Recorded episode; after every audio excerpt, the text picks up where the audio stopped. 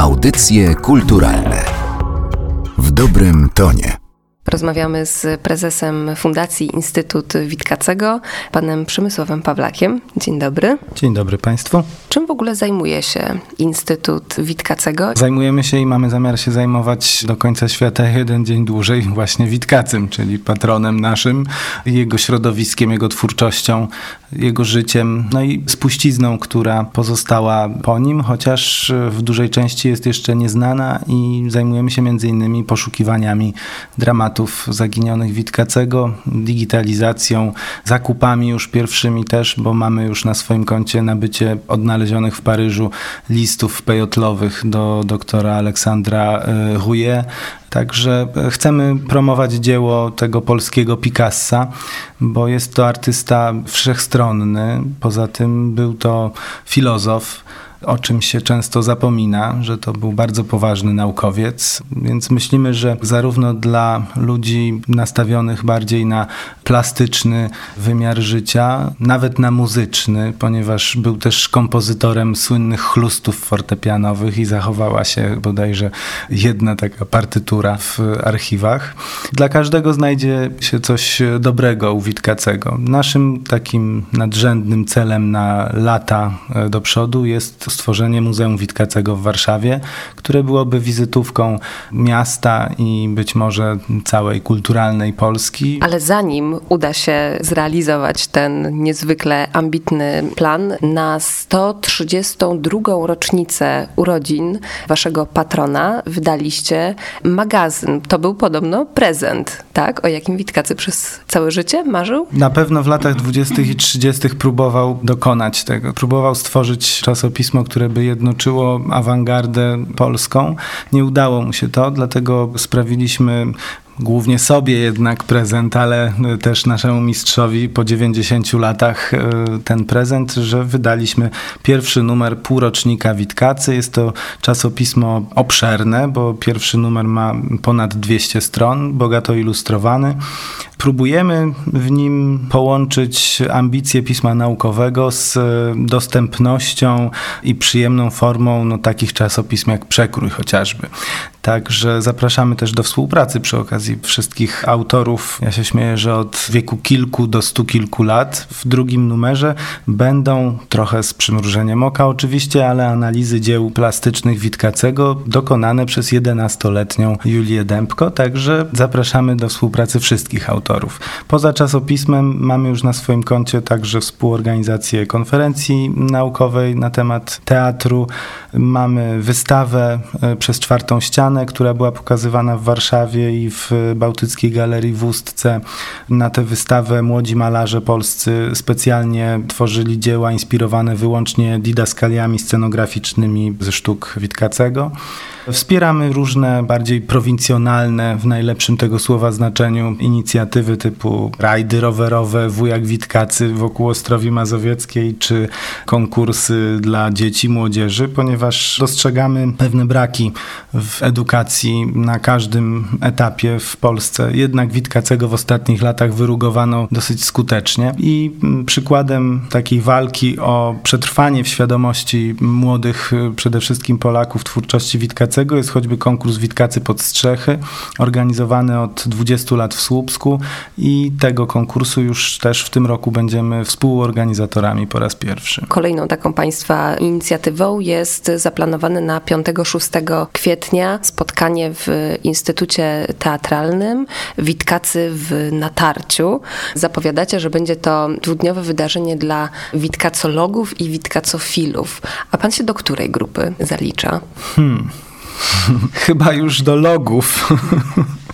Chociaż e, moje wykształcenie no, jednak nie predestynuje mnie póki co do wyrażania naukowych sądów na temat e, twórczości Witkacego, ponieważ z wykształcenia jestem ekonomistą, ale to środowisko witkacologów i witkacofilów ma to do siebie, że grupuje ludzi naprawdę z przeróżnych branż. Mamy lekarza, radiologa, oczywiście mamy historyków sztuki, teatrologów, ale też informatyka, pracownika ministerstwa. Pokazujemy, że ten artysta artysta i filozof, ten pisarz był tak wszechstronny, że rzeczywiście każdy znajdzie dla siebie coś dobrego. I zapraszamy do Instytutu Teatralnego 5 i 6 kwietnia w godzinach od 15 do pewnie późnych godzin nocnych. Wszystkich zainteresowanych publikacjami, przede wszystkim witkacowskimi o takiej tematyce, ponieważ w ostatnich miesiącach rzeczywiście ukazało się wiele tomów i także czasopism, których numery specjalnie poświęcono Witkacemu. I będzie to promocja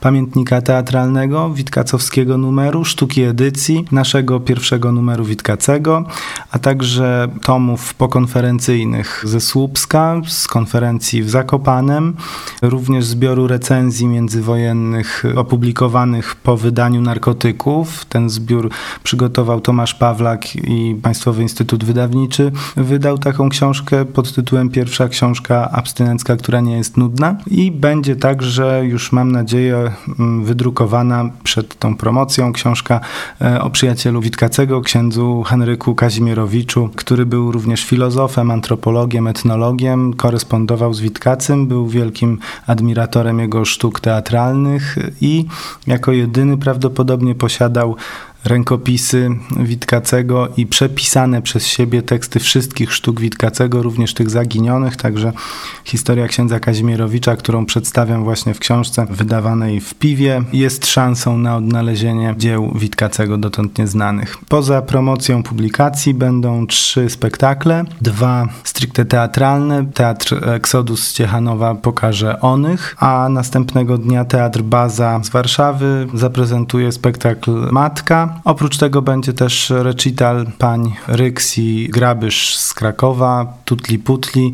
To spektakl muzyczny, który uzyskał Grand Prix na 19. konkursie Witkacy pod Strzechy w Słupsku w ubiegłym roku. Po raz drugi w naszej rozmowie pojawił się ten wątek właśnie, że istnieją jeszcze jakieś nieodnalezione dramaty, czy szerzej dzieła Witkacego. Jakie są ślady, poszlaki? Skąd wiadomo, że rzeczywiście takie rzeczy jeszcze mogą gdzieś leżeć nieodkryte? Z różnych źródeł te poszlaki się wyłaniają. Przede wszystkim to jest y, ciągłe odnajdowanie jakichś dzieł Witkacego. Najwięcej odnajduje się pastelowych portretów z firmy portretowej, bo okazuje się, że ich y, powstało prawdopodobnie łącznie nawet około 5 tysięcy.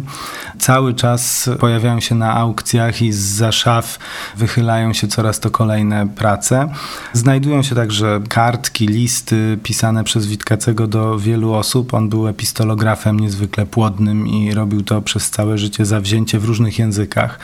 Niedługo już wyjdzie w piwie ostatni tom listów Witkacego do e, różnych adresatów, między innymi bardzo duży zespół korespondencji po niemiecku z Hansem Corneliusem, opracowany przez profesora Deglera ale na przykład znajdują się takie smaczki jak kaczka dziennikarska w zasadzie, artykuł o możliwości produkcji różnych przedmiotów i mebli z drewna olchowego, który Witkacy popełnił dla żartu w codziennej gazecie handlowej w latach 30. i bardzo go bawiło to, co wywołał, ponieważ recenzje były miażdżące, ale były rzeczywiście dowodem na to, że potraktowano poważnie tekst, w którym między innymi pisał o tym, że Włochy graniczą z Polską, także lubił takie szpryngle robić i za życia, i jak to profesor Degler twierdzi po śmierci. Odnalazła się także w Lwowie rozprawa filozoficzna wysłana Ingardenowi w 1939 roku i tutaj tę rozprawę podałem do druku w sztuce edycji, właśnie w tym numerze, który będzie promowany.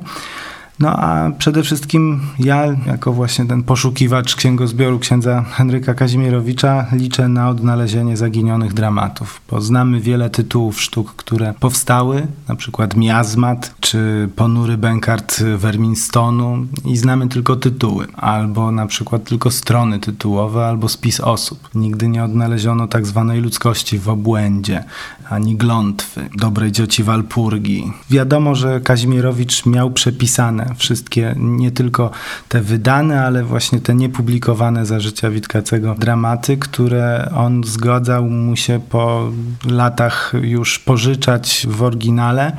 Kazimierowicz je przepisywał, ten księgozbiór zaginął. Myślano, że w czasie wojny, już wiadomo, że przetrwał wojnę, został rozproszony w Kaliszu prawdopodobnie w latach 80. Z tego księgozbioru między innymi znalazły się kartki z rękopisu Niemytych Dusz, które fruwały po podkaliskiej wsi parędziesiąt lat temu i zostały przekazane ostatecznie do Muzeum Literatury w Warszawie. Także tutaj też zachęcam zawsze wszystkich do własnych śledztw i poszukiwań, bo można na jakimś strychu bądź w starej bibliotece po dziadkach albo jakimś kufrze w piwnicy na pewno jeszcze wiele odnaleźć sensacji literackich. To tyle, jeśli chodzi o te teksty, które potencjalnie gdzieś rzeczywiście mogą jeszcze istnieć. A jeśli chodzi o te rzeczy Witkacego, które są znane, czy w nich jest jeszcze coś do odkrycia przez specjalistów, przez naukowców? To już udowodniła konferencja w 2014 roku. Ten tom ma prawie 800 stron. Tak brzmiał tytuł tej konferencji w Słupsku.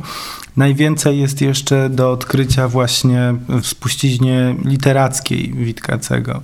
Przez kilkadziesiąt lat traktowano dosyć instrumentalnie tę twórczość. Odnajdowano tam głównie wątki polityczne, biograficzne, a tu okazuje się, że można zaryzykować tezę, że one nie są do końca doczytane, te dramaty. Można rzeczywiście znaleźć nie tylko przegląd sztuki, filozofii z wielu stuleci, ale również przestrogi dla nas, dla ludzkości, również XXI-wiecznej. Na ile Państwa spotkanie, które planujecie na 5-6 kwietnia, jest adresowane także do osób, y, które nie są tak biegłe w poznawaniu sztuki Witkacego? Myślę, że na tyle, na ile się zmieści publiczności w Instytucie Teatralnym, w dużej sali teatralnej Instytutu, e, a oprócz tego dla osób, które może by się rzeczywiście nie zmieściły, chociaż liczę na to, że choćby na podłodze, na scenie, ale dla wszystkich znajdzie się miejsce. E, to zapraszamy także do galerii mm, Oficyna Art and Design w Alejach Jerozolimskich 107.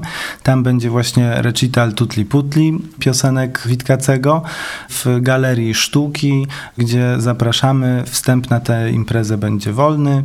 Pozostałe spektakle, mimo że biletowane, to myślę, że też będą cieszyć się dużym powodzeniem, ponieważ okazuje się, że podane po prostu bez przeinaczeń, bez miksowania ich z dziesięcioma innymi sztukami. Dramaty Witkacego mogą i bawić, i przerażać, porywać i mówią nam wiele o naszych lękach, o rzeczywistości, którą widzimy i za oknami, widzieli za oknami nasi dziadkowie i być może z którą zderzą się nasze wnuki. Także naprawdę zapraszam wszystkich, bez względu na to, czy są witkacologami, ekonomistami, informatykami, czy historykami sztuki na przykład. Witkacy w natarciu 5-6 kwietnia, między innymi właśnie w Instytucie Teatralnym oraz w tych placówkach, o których przed chwilą mówił mój rozmówca, e, Przemysław Pawlak, prezes Fundacji Instytut Witkacego. Dziękuję serdecznie. Dziękuję.